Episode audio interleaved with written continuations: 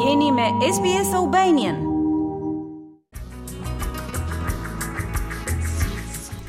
Një trajtim i ri për sëmundjen inflamatore të zorrëve duket në horizont.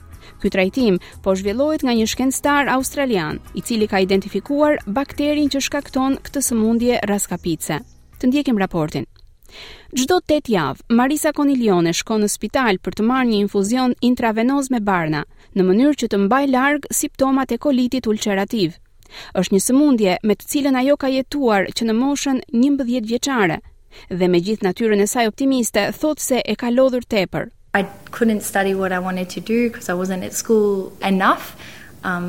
Nuk arrita të studioj atë që doja, ngaqë bëja shumë mungesa në shkollë, dhe tani as nuk mundem të udhëtoj aq sa dua, sepse gjithmonë kam frikë se mos më kap befas koliti. Kur ishte në shkollë të mesme, Marisa u shtrua në spital për një muaj dhe është e shqetësuar se një ditë ilaçet do të pushojnë së funksionuari dhe ajo do të përballet me mundësinë e heqjes së zorrës. One of my biggest fears like and um every time I get a bit of tummy ache. Është një nga frikërat e mia më të mëdha dhe që më mundon sa herë që kam pak dhimbje barku. Jeta do të më ndryshonte shumë nëse do të më duhej të mbaj me vete një qese kolostomie, thotë Marisa. Koliti ulcerativ shkakton pezmatim dhe ulçer në zorrën e trash, që çon në dhimbje të forta dhe në diare të përgjakshme, dhe së bashku me sëmundjen tjetër inflamatore të zorrëve, Crohn, janë diagnoza që të ndryshojnë jetën.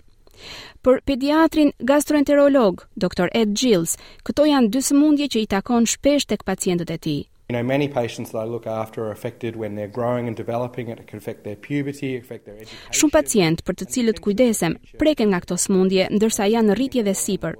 Dhe sëmundja mund të ndikojë në zhvillimin e tyre si adoleshentë, në shkollë dhe ka mundësi edhe në perspektivën e tyre të ardhshme të karrierës. Janë sëmundje që po vijnë duke u shtuar në të gjithë globin për arsye që ende nuk i kuptojmë.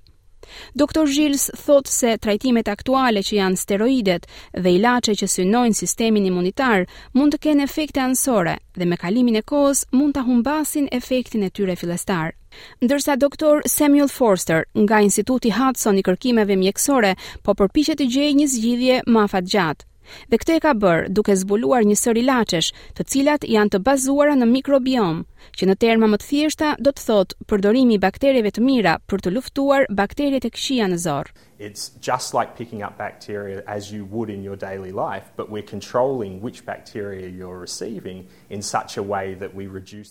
Në jetën e përditshme, ne të gjithë marrim një mori bakteriesh, por në rastin e kësaj sëmundje, i kemi nën kontroll se cilat bakterie ka marrë pacienti, në mënyrë që të zvogëlojmë mundësinë e rindezjes së sëmundjes dhe simptomave që vijnë pas.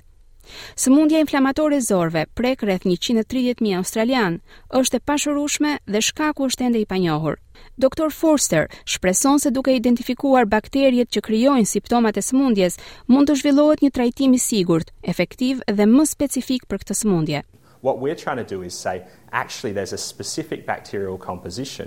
Ajo çka po përpiqemi të arrijmë është që të krijojmë një përbërje specifike bakteriale që do të ishte e mirë për këtë grup pacientësh, në mënyrë që pacientët si Marisa të mund ta jetojnë jetën në maksimum. I'm super excited that one day IBD will be something that I don't have to think about. Jam shumë e gëzuar që do të vijë dita që kjo sëmundje të mos më shqetësojë dhe u jam mirënjohëse doktorëve Sam dhe Ed që kanë bërë kërkimin.